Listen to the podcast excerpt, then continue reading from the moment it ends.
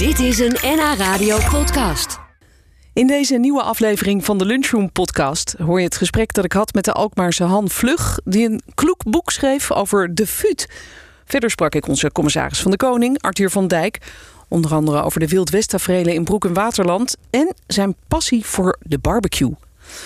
Maar eerst het verhaal van Daan Faber uit Amsterdam. Met zijn bedrijf Mr. Kitchen probeert hij ons gezonder te laten eten. Zo maken ze pindakaas zonder palmolie en hazelnootpasta met minder suiker. En nu heeft hij ook een boek geschreven. Een kinderboek waarmee hij kinderen wil leren welke smaken er zijn en hoe je die beter kunt proeven. Ja, alles dus over eten. Dit liedje uit de musical Oliver Twist zou zijn lijflied kunnen zijn.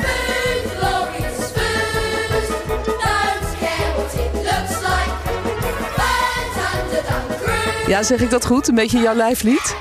Nou, het, het gaat wel over het verlangen eh, naar lekker eten van kinderen. Dit zijn dan Oliver Twist hongerige zwerfkinderen die moeten stelen voor hun eten. Maar eh, de trek en het avontuur voor eten, eh, wat kinderen kunnen beleven, dat is wel iets wat heel erg bij mij past. En ook aanleiding voor dit boek was. Ja. En Had jij dat als kind eigenlijk ook al? Dat jij geïnteresseerd was in eten en, eh, en daarmee bezig was? Zeker. Ik, ik zat vanmorgen, toevallig stond ik onder de douche. En eigenlijk is de hoofdpersoon in mijn boek Puk, dat is mijn dochter. Mijn dochter is wat jonger, maar dat is wel iemand die altijd alles proeft. Maar toen dacht ik, misschien ben ik ook wel zelf meer Puk. Eh, zij probeert haar vader in de keuken te helpen van zijn restaurant.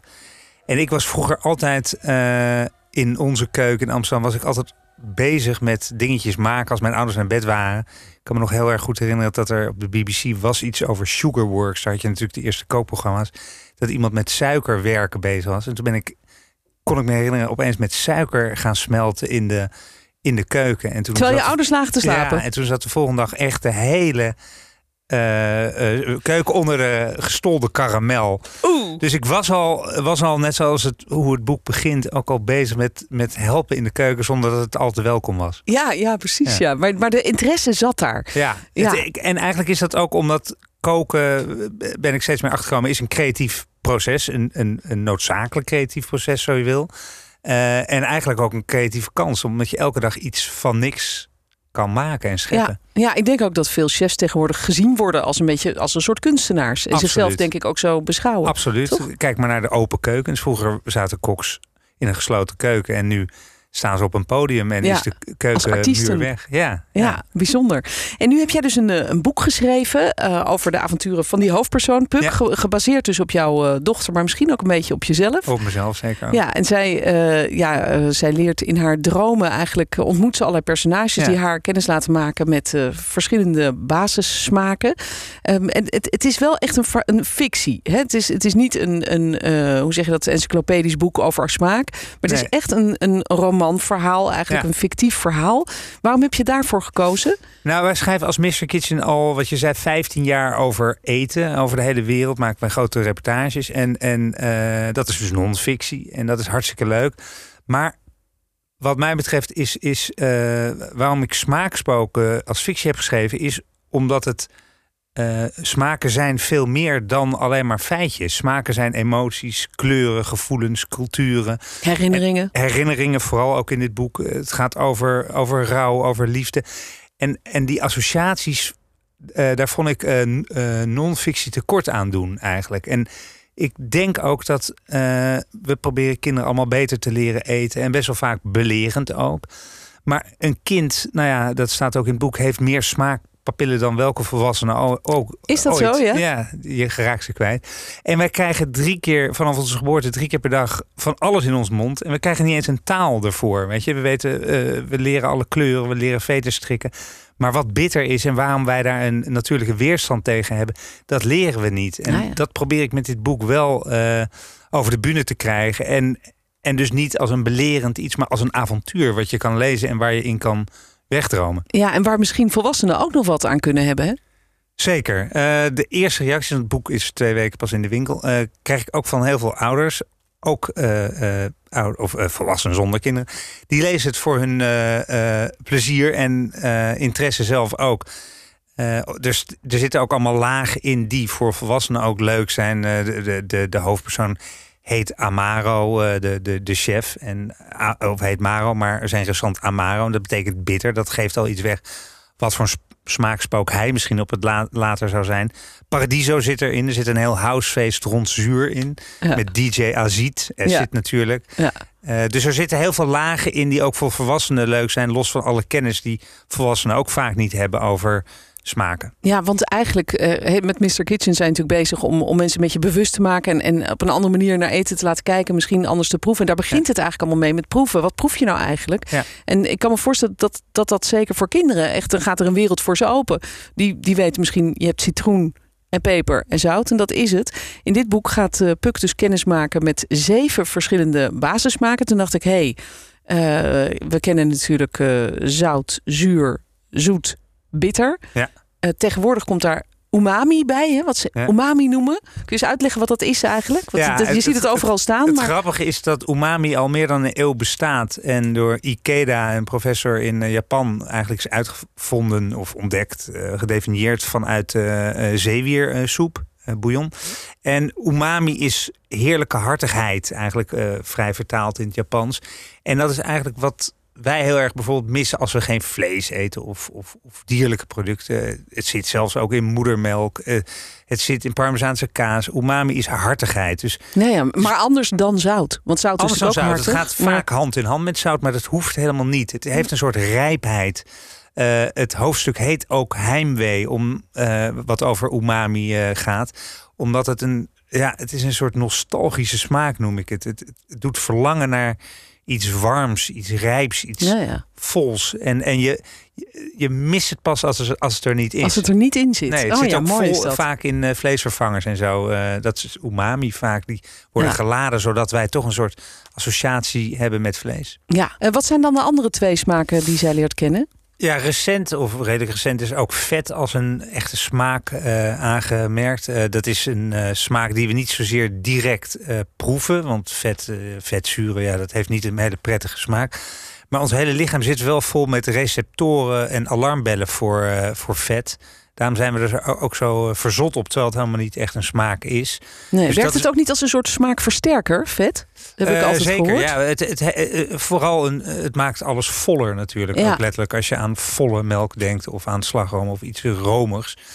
Dus daar zijn we wel heel gevoelig voor. Dus het is wel een smaak. En dan nummer zeven? nummer 7 is geen smaak. Die, die hoort in principe niet in het rijtje thuis. Dat is pittig, pikant. Eh, alleen je kan een kind niet uitleggen dat dat geen smaak is. Want dat is ongeveer de, de meest eh, heftige smaak Ja. die een kind in zijn mond krijgt. Alleen, eh, Ja, want die arme Puk krijgt dus ook pittige pepertjes voor ja, die wordt bezocht door smaakspook Chili Willy, Wilbur Scoville. Ook degene die achter de, sma- de schaal van Scoville zit. Dus de pittigheidsschaal. En die verleidt haar wel om, om het een en ander aan pepers te proberen. En dat hoofdstuk heet ook eh, brandalarm. Want eigenlijk is eh, pittigheid is gewoon een vals brandalarm in je mond. Ja, ja. Het is helemaal niet heet. Alleen je uh, ervaart het. pijnreceptoren eh, Ja. ervaren het als een, als een hitte. Ja, er belde net een luisteraar die wilde graag het boek hebben. Maar die zei, ja, ik, ik hou vooral van bitter en van wrang. Wa- Ja. Zit wrang ook in het boek? Nee, wrang is, is, is denk misschien- ik meer een samentrekking van je mond. Die reageert op, op een combinatie van vaak bitter en denk ik ook zuur. Ja, ja, die Eh combi. tartiness is in eh, tart is in Engels eh, het woord van wrangen. Dat is eigenlijk ook een soort kwaliteit, bijvoorbeeld voor rabarber. Daar. Oh, trek ja. je mond zo van sma Ja, ja, ja, als hij goed wrang is, inderdaad. Ja. Eh, in het boek, dus, het is natuurlijk heel leuk voor kinderen, dit boek, maar ook voor volwassenen. Wij kunnen er ook nog wat van En leren. voor grootouders. En voor grootouders natuurlijk. Ehm, maar ook, ook voor ons, om onze kennis te vergroten. Want Ja. je sluit bijvoorbeeld het boek af met allerlei weetjes over Ja. citroenen, pepers, Ja. onze smaakpapillen. Eh, en bijvoorbeeld de mirakelbes. Wat is dat? Het is een besje. Ik heb ooit eh, bij het ITVA eh, was ik vrijwilliger en dan mocht ik Q&A's doen. Dus de, de vragen stellen aan de regisseur na de film. En dat was de film The Fruit Hunters. En dat ging over mensen die de hele wereld over eh, aan het jagen waren naar speciale fruitsoorten. En daar kwam die mirakelbes, de Miracleberry in voor. En als je die proeft, eh, smaakt alles daarna zoet. Dus dan Ja? ja, dat is heel eh, fascinerend. En die eet je en die beduvelt je tong. Die zet hem aan op een soort zoetigheidsding. Dus daarna kan je echt vol met je mond een hap eh, citroen of limoen nemen. Ja, en, en, en het smaakt zoet. Hè, hoe Ja. werkt dat? Ja. Je hebt dat geprobeerd? Je Ja. hebt het, eh, Ik, ik weet niet precies hoe het werkt. Ik weet alleen dat het echt verbijsterend is. Ja, ja, dat lijkt me heel gek inderdaad. Ja, ik heb, ik, toevallig zat ik vandaag te googlen, maar je kan plantjes ervan bestellen. Dus ik denk dat ik dat wel ga proberen. Volgens mij groeien ze best wel goed binnen. Ja, ja. goed. Nou, het, het, het boek eh, heet dus Smaakspoken. en je bent nog met veel meer dingen bezig. Ik noemde net al de, de pindakaas zonder palmolie, maar ook de hazelnootpasta met minder suiker. Eh, dat soort dingen ben je allemaal mee bezig. Ook in de hoop, ja, toch misschien om ons lekker te laten eten, maar ook wat gezonder en wat bewuster, denk wij- ik. Hè? Wij zijn niet van het, nou ja, nogmaals het belerende. Eh, we- onze hele li- li- productenlijn nu in de supermarkt is, noemen wij vegan en delicious. Omdat eh, wij vinden dat plantaardig ook lekkerder moet zijn. Om, eh, omdat, ja, anders wordt het toch eh, eh, niet aantrekkelijk om over te schakelen naar meer plantaardige producten. Eh, dus wij, wij proberen wel eh, ja, bewuster, vind ik zo'n beetje. eh, Ja, dat klinkt dan gelijk weer. Ja, ja. Je moet gewoon heel lekker eten. En wij laten zien dat dat eh, eh, ook zonder eh, dieren kan. Ja, en je bent ook nog bezig, zag ik. Maar daar moeten we misschien de andere keer Ja. uitgebreid over hebben. Want veel tijd hebben we niet meer. Maar met een heel spannend project in Amsterdam-West. In de Centrale Markthal op het Ja, Foodcenter. Wat gaan jullie daar doen? Wij zijn eh, met, eh, eh, met Mr. Kitchen en Kantine Mobile in, in een heel mooi Rijksmonument getrokken. De Centrale Markthal op het Foodcenter. En daar gaan wij culinair en cultureel kwartier maken. En op de eerste zondag dat het weer kan, gaan wij buurtdiners, het marktmaal organiseren. Elke zondag voor de buurt voor 6 euro aan tafel. Leuk. Markt Centraal. Je hoorde Daan Faber over zijn boek Smaakspoken. En over de bijzondere projecten waar hij allemaal mee bezig is. Han-Johan Vlug uit Alkmaar werd op zijn zeventiende al verliefd op de fuut. En heeft er een levenslange studie van gemaakt. Nu heeft hij ook een dik boek geschreven over deze sierlijke prachtvogel... met de toepasselijke titel De Fuut. En als je dit geluid hoort, dan eh, weet je dat er een fuut in de buurt is. Ja, zo is dat. En als je dan dit hoort, dan eh, weet je dat het gaat om een baltsende fuut. Het is een eh, prachtig beestje, zo eh, sierlijk, met die mooie koptooi. Dat vindt ook eh, Han Vlug uit Alkmaar. Hij werd als jongen van 17 al verliefd op de fuut. Je bent net terug van twee weken futen kijken in Duitsland. Hoe Ja. was dat? Dat klopt. Is de Duitse fuut heel anders dan de Nederlandse? Nou, er zijn 23 soorten fuutachtige. En onze fuut is er maar één. Ja. Een andere soort is de roodhalsfuut. En het geluid wat je eerst hoorde was van kopschuddende gewone futen. Dat geluid daarna, dat was van roodhalsfuten. Oh ja. Oh, Dat mooi zijn zo. roodhalsfuten. Die Kijk. schreeuw was varkens. Oh ja? Ja. En dat is niet per se in de balts alleen. Eh, het heeft heel vaak met balts te maken, maar ook met agressie bij gevechten. Dan, eh, dan uiten ze dat. Oh, oké. Ja, dreigen dus. Ja, ja. dat kunnen ze goed natuurlijk. Ehm, jij volgt die fuut al, al meer dan 40 jaar, begrijp ik? Wa- de roodhalsvuut meer dan 40, de vuut nog langer. Ja, Eh, dat is begonnen in 1965. zo. En waar komt die fascinatie voor deze mooie toeval. vogel vandaan? Het is gewoon toeval. Ik, ik, ik had ook merels kunnen nemen, of grote karakieten, of nou ja, eh, libellensoorten zoals paardenbijters. Elke soort die, eh, die leeft is interessant. En Maar hoe kwam de fuut op jouw pad? Ja, omdat er. Ik was een vogelaartje. Ik, ik was net bezig mijn soorten te leren kennen. En toen kwam er een enquête van Leijs en de Wilde. Over een nationale enquête over hoeveel fiet, fuut hebben we nu. Dat wilden ze graag weten. En vooral hoeveel jongen ze hadden in verband met vergiften. We waren bang dat die enorm zou gaan afnemen door al die giften. Het landbouwgif. Eh, ja, die DDT, deel erin. eh, tegen insecten dus vooral. Ja, ja. En toen, ja, toen vroegen ze aan mij van het vogelwerkgroepje... Joh, wil jij niet in de buurt van jouw dorp kijken? Want dat ken je goed. Dat heb ik gedaan. Heel nauwkeurig. Precies waar ze zaten, hoeveel. En toen kreeg ik een brief van Leijs en de Wilde... wil je alsjeblieft niet het gebied daarnaast ook doen? Oh, Nou, het resulteerde daarin dat ik met een vriendje samen... eh, twee jaar lang, later ging ik ermee door... naar het hele gebied tussen het Noordzeekanaal en Den Helder langs fietste. Elk ja. kanaal, elke vaart, elke sloot. Het, het was ongelooflijk. We hebben heel veel gespijbeld van school natuurlijk. ja, ja. En waar Eh, leeftijdgenoten misschien eh, in de kroeg gingen hangen met een biertje, zat jij op de nee, fiets? dat, heb ik- dat, dat, Of heb je dat ook nog een ik beetje dronk wel graag een borrel Oh. s'avonds, maar niet overdag. Goed, op jacht dus naar de fuut. Dus heb je dat- enig idee hoeveel je er dan gezien hebt in je, in je Nou, lange leven? In mijn leven tienduizenden natuurlijk. Echt? Ja, Zo. Maar, die- maar goed, alleen al die ruikconcentratie die ik gezien heb bij de Mokkenbank... heb je de 20.000 samen. Dus Wat? ja, ja, ja. 20.000? Dat was toen zo. Hè, Oh, oké. Want we wisten niet waar die beesten in de, in de herfst naartoe gingen. Die verdwenen plotseling.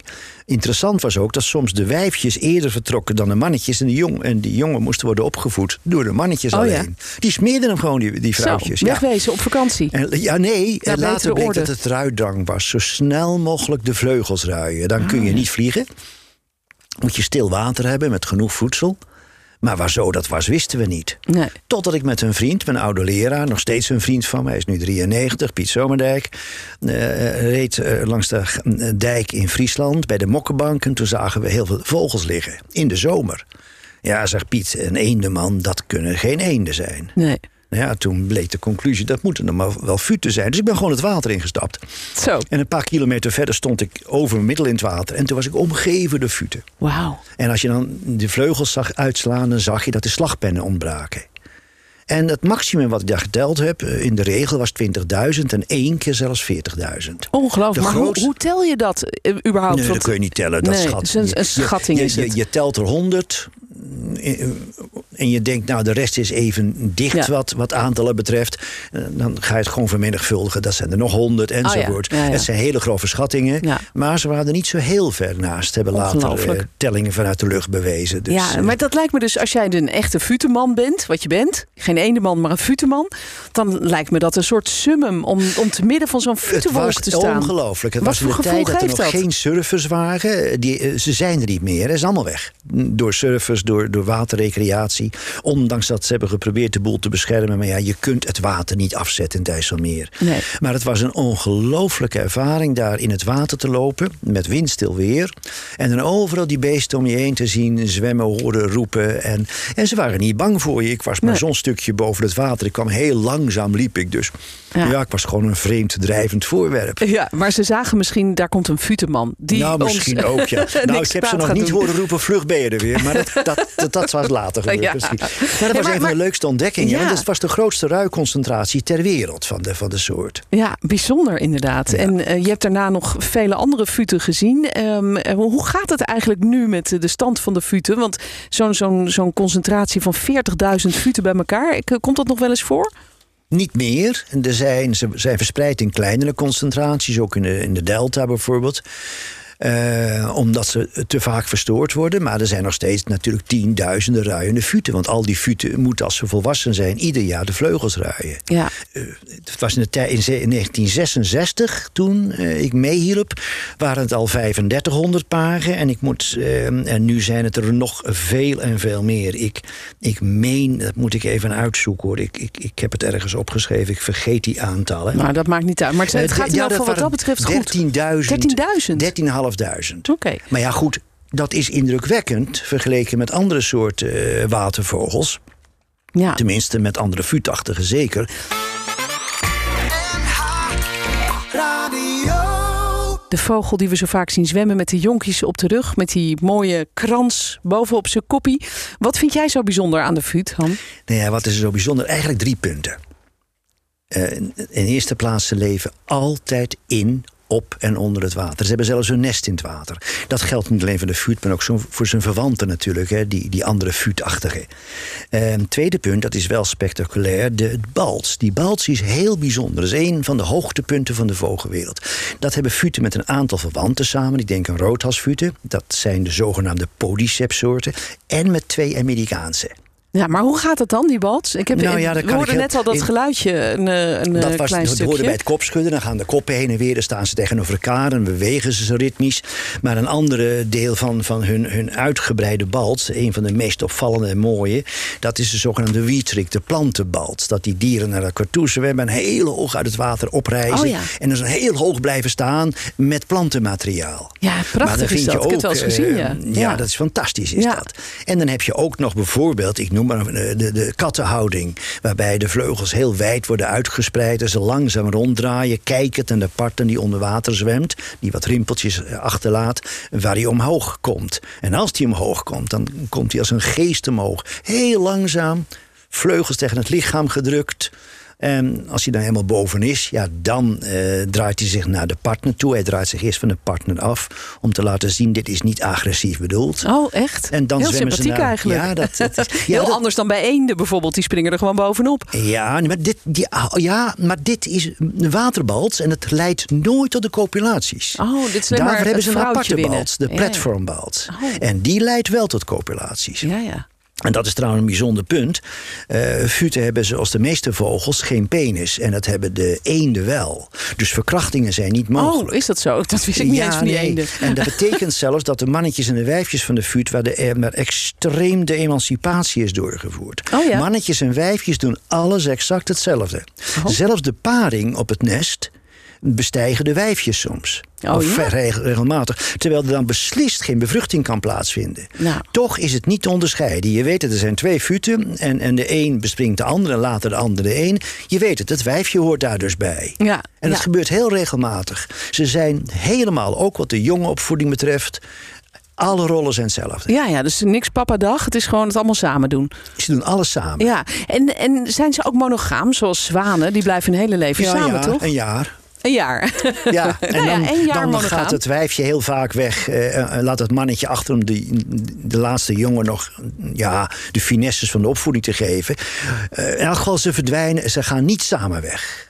Nee, nee. En dan is het wel zo dat ze volgend jaar weer een paar kunnen vormen, maar dat is de plaatstrouw. Ja. Want het gebeurt namelijk ook dat er een heel ander wijfje, het mannetje komt eerder, een ander wijfje komt opduiken en het mannetje die accepteert meteen het andere wijfje. Komt het oude vrouwtje terug. Die wordt meestal het, eh, het territorium uitgejaagd. Ook door de man, die Ja, uiterst ja. ontrouw is. Ja. Maar heel vaak is het toch het, het oude wijfje wat hij als eerste ziet. En dan gaan ze weer een jaar verder. Ehm, ik heb zelf wel eens gezien, eh, want ze eten natuurlijk graag vis, maar ik heb wel eens gezien dat, een, eh, dat zo'n fut een levende paling probeerde binnen te krijgen. Kan je vertellen, dat was een vrij onsmakelijk gezicht. Ze wurgen ze naar binnen Ja, werkelijk. En, en het lukt Maar die paling altijd. bleef bewegen. Ja, en dat was zo glad. vies. Ja, precies. En ik dacht uiteindelijk, dat beest gaat erin stikken.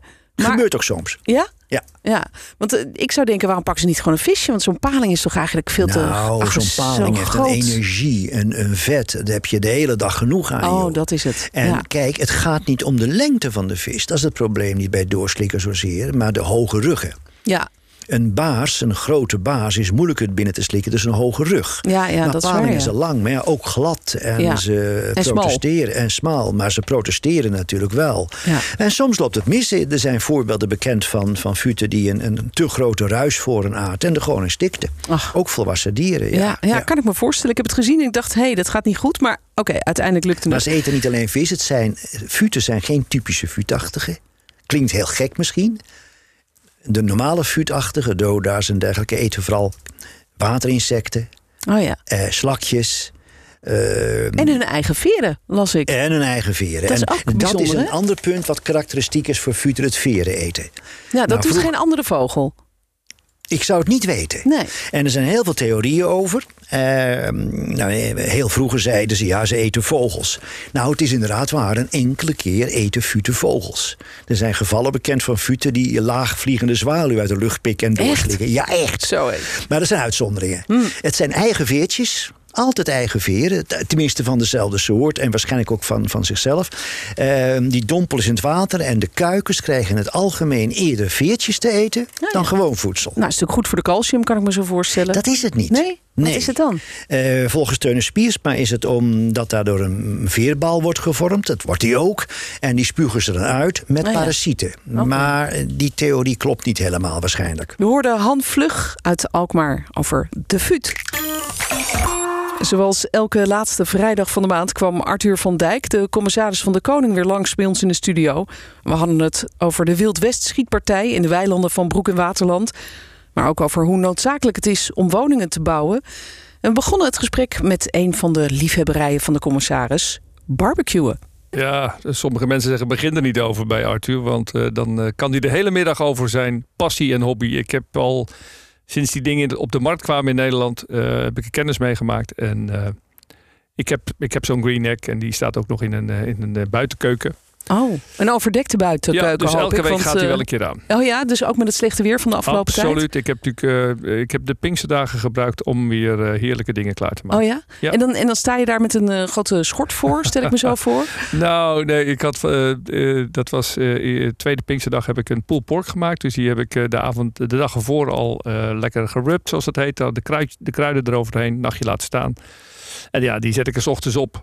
En dat ja, want dat moet heel lang, hè? Ja, daar doe ik de hele dag niks aan. En aan het eind van de dag is dat een, eh, een heerlijk stuk vlees geworden. Oh, en doe jij dan alleen het vlees? Of ben je ook van de salades en de Nee, sausjes? mijn vrouw de... die maakt eh, barbecue saus. Oh. Dat maakt ze ook zelf. Eh, die is ook al famous, zal ik maar zeggen. Iedereen vindt hem heerlijk. En een broodje erbij. En dat is lekker. Ja. Maar het meest, het heerlijkste vind ik het eigenlijk als we dan met elkaar buiten zitten. En echt even zo'n lekker rustig moment. En eh, als je met dat koken bezig bent, ben je gewoon echt daarmee bezig. Eh, Ja. De, de- de ingrediënten kopen ehm, eh, in de winkel, bij de slager.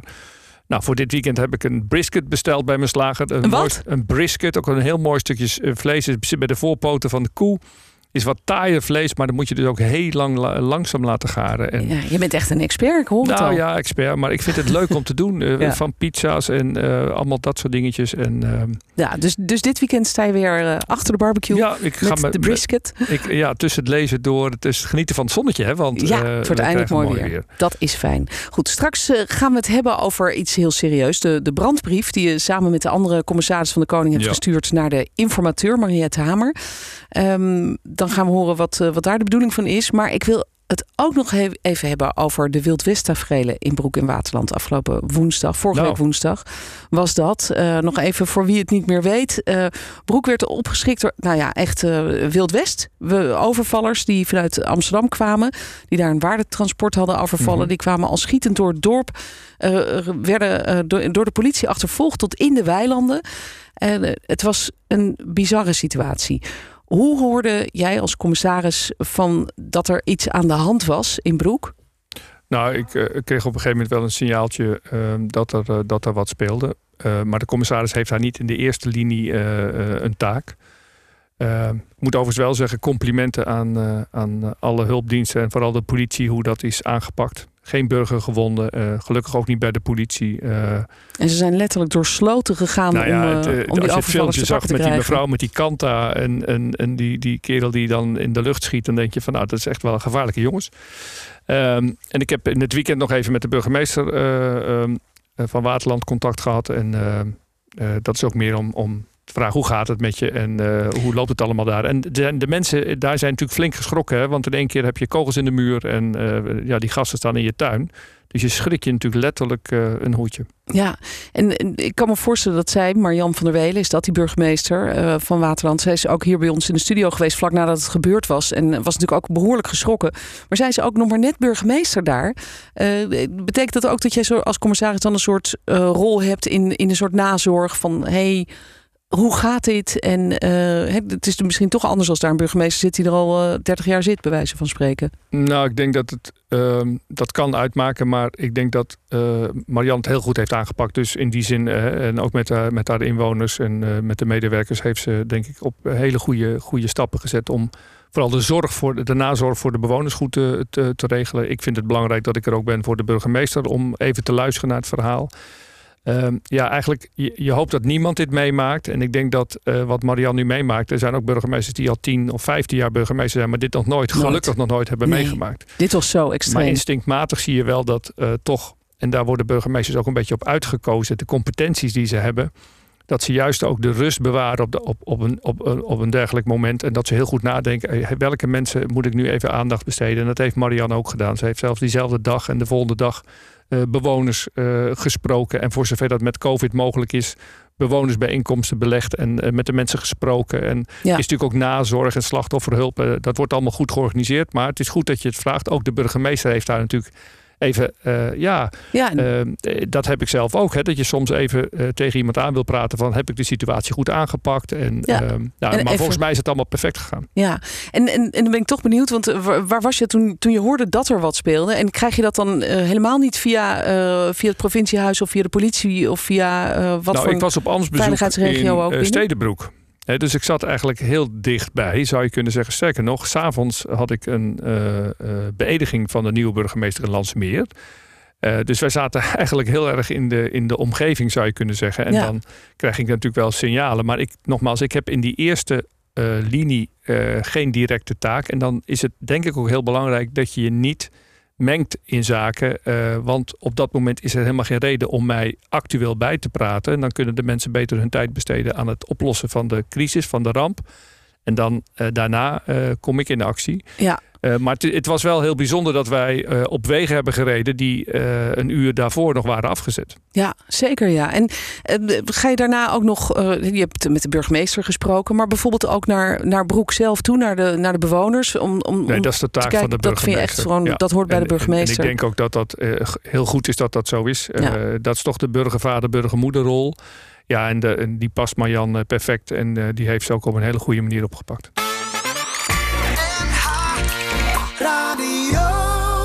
Praat vandaag hier in de studio met Arthur van Dijk. Hij is de commissaris van de Koning in Noord-Holland. En als je een vraag voor hem hebt, dan kun je die stellen via lunchroom.nhradio.nl. Straks gaan we een paar van die vragen bespreken, Arthur. Maar eerst wil ik het even hebben over de brief die de twaalf commissarissen van de Koning hebben gestuurd aan informateur Mariette Hamer. Een brandbrief, zoals dat heet, met Ja. daarin jullie zorgen over de kwaliteit van het openbaar bestuur. Eh, Waar gaat dit over? Waarom hebben jullie die brief gestuurd? Nou, er zijn een aantal onderwerpen waar wij ook als, ehm, als commissaris ben je eigenlijk een, dat heet zo mooi, provinciaal orgaan. Hè, voorzitter van de, van de provinciale staten en gedeputeerde staten. Maar ik ben ook een rijksheer. Dus ik heb ook een rechtstreekse lijn, zou je kunnen zeggen, met een aantal ministers, eh, met het kabinet.